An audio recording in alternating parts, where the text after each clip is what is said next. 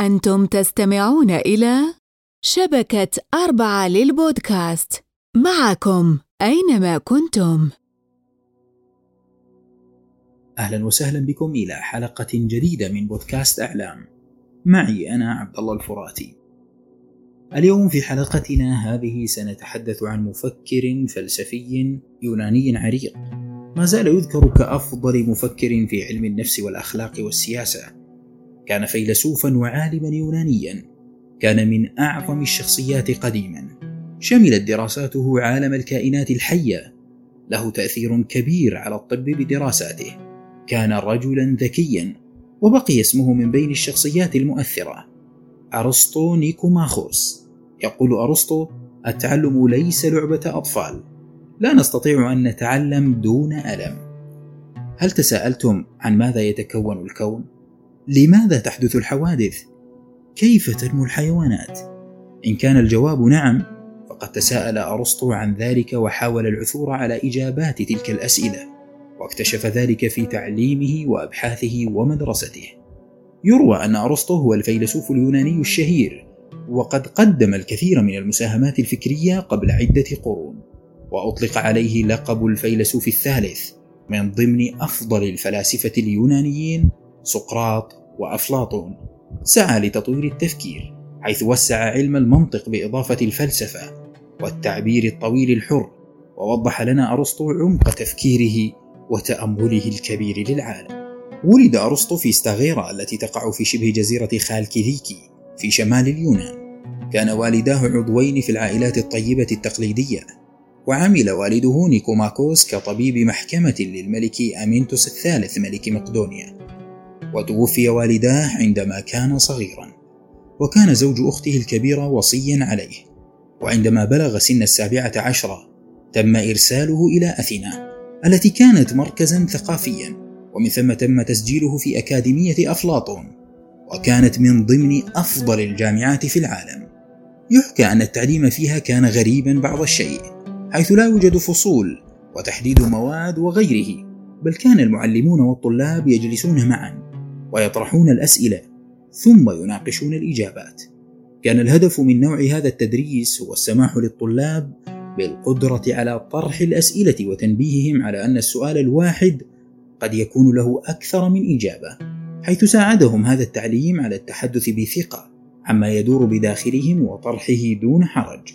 وقد أطلق عليه أفلاطون اسم العقل من شدة ذكائه وبعد تعليمه أمضى عشرين عاما كمعلم في تلك الأكاديمية هل خطر لكم كم أثرت أعمال أفلاطون على المدارس والجامعات؟ فقد قال عنه الفيلسوف الروماني شيشرون إنه إذا كان نثر أفلاطون فضيا فإن نثر أرسطو كان نهرا متدفقا من الذهب وصف أرسطو في إحدى كتاباته الشعرية مأساة اليونانيين قائلا المأساة إذن هي تقليد عمل جاد وكامل وبحجم معين. في شكل عمل وليس سرد من خلال الشفقة والخوف الذي يؤثر على التطهير الصحيح لهذه المشاعر. لاعتقاده أنه لا هدف من مشاهدة الأفلام الخيالية بلا قصة حقيقية. نعود لتعليم أرسطو وأبحاثه.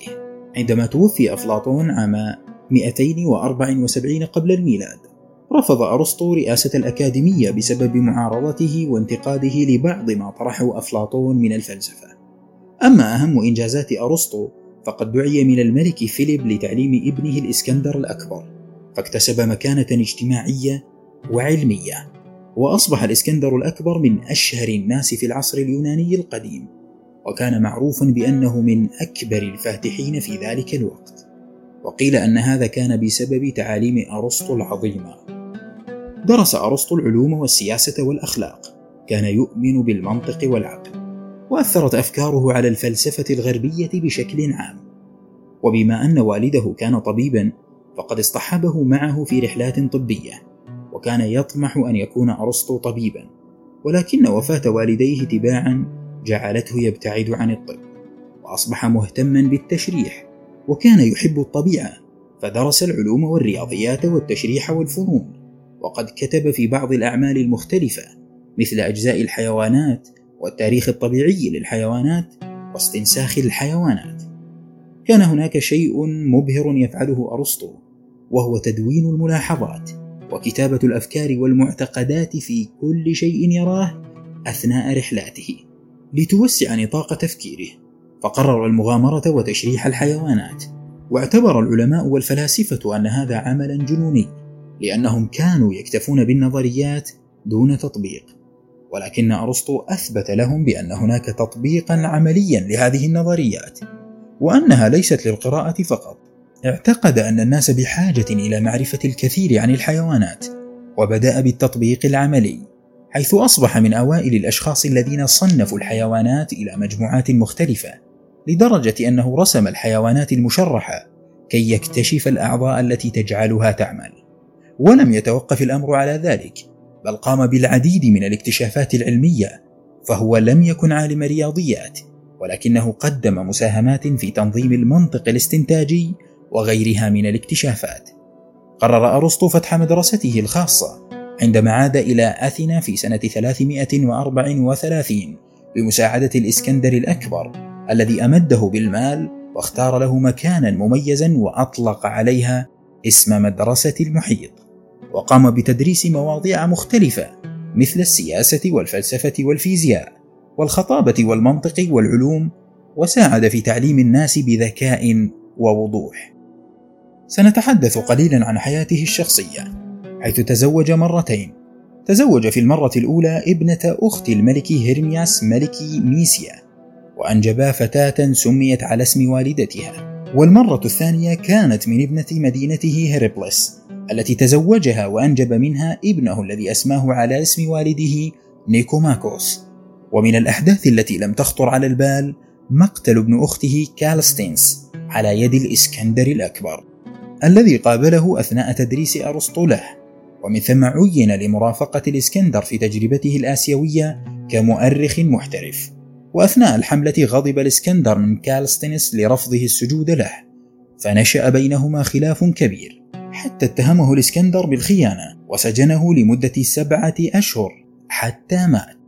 أثناء تعليم أرسطو من خلال خبراته الحياتية اهتم في علم الفلك ودراسة الكون وأثار فضوله الإنسان وتفكيره ومعتقداته وحاول إيجاد وصف الأشياء الغير مرئية مثل العقل والروح واخترع علما جديدا أسماه السببية وشرح في ذلك العلم سبب حدوث الأشياء وتميز أرسطو بطريقة تعليمية جديدة أجرى بها التجارب والأدلة دون تخمين واعتقاد فقط بل جعل التطبيق العملي أساس تلك النظريات. ونشر له أكثر من 200 عمل بما في ذلك أخلاقيات نيكوماكوس والسياسة والميتافيزيقيا والشعر والتحليلات السابقة واحتفظ بملاحظاته للمساعدة في تعليم طلابه. وربما فقدت الكثير من أعماله بسهولة بعد انهيار الحضارة اليونانية القديمة لكن العلماء المسلمين حافظوا بعناية على هذه الكتابات ونقلوها إلى العلماء في أوروبا وآسيا وانتشرت أفكار أرسطو في جميع أنحاء العالم. بالعودة للوراء سنذكر تجربة من تجارب أرسطو على الحيوانات، ألا وهي وصف نمو الفرخ داخل البيضة. حاول أرسطو تفسير تطور الكتكوت داخل البيضة ونمو أجنة الفراخ وأراد أن يرى ذلك التطور في تجربة عملية. أدرك أرسطو من خلال تجربته أوجه تشابه كبيرة بين نمو الإنسان والدجاج. من خلال دراسته للكتاكيت النامية وكان قادرا على فك الشفرة دور المشيمة والحبل السري في الإنسان بشكل صحيح ولم يتوقف عند تلك التجربة بل قدم أرسطو مساهمات كبيرة في مجال علم الحيوان فقد عرف باسم والد علم الحيوان وقدم عدة من الأطروحات التي تدور حول خصائص علم الحيوان الأخرى التي كتبها أيضا وعمل أرسطو على تحديد تقنيات محددة واستخدمها لتقديم ملاحظات دقيقة. عزيزي المستمع، سأخبرك شيئا ربما تعلمه وربما سهيت عنه. إن أرسطو هو من اكتشف علم القياس الأسيستولي الشهير الآن، وهو شكل من أشكال الحجة يتكون من مبنيين وخاتمة. مثاله هو: كل يوناني هو شخص، كل شخص مميت، وكل يوناني بشري.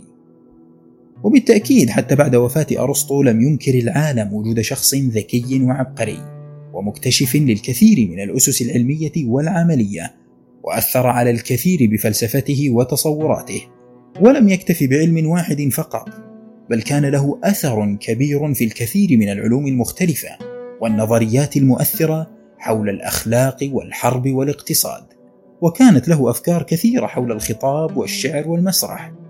وبعد وفاة الإسكندر سنة 323 قبل الميلاد وقعت حكومة أثينا بين أيدي أعداء المقدونيين.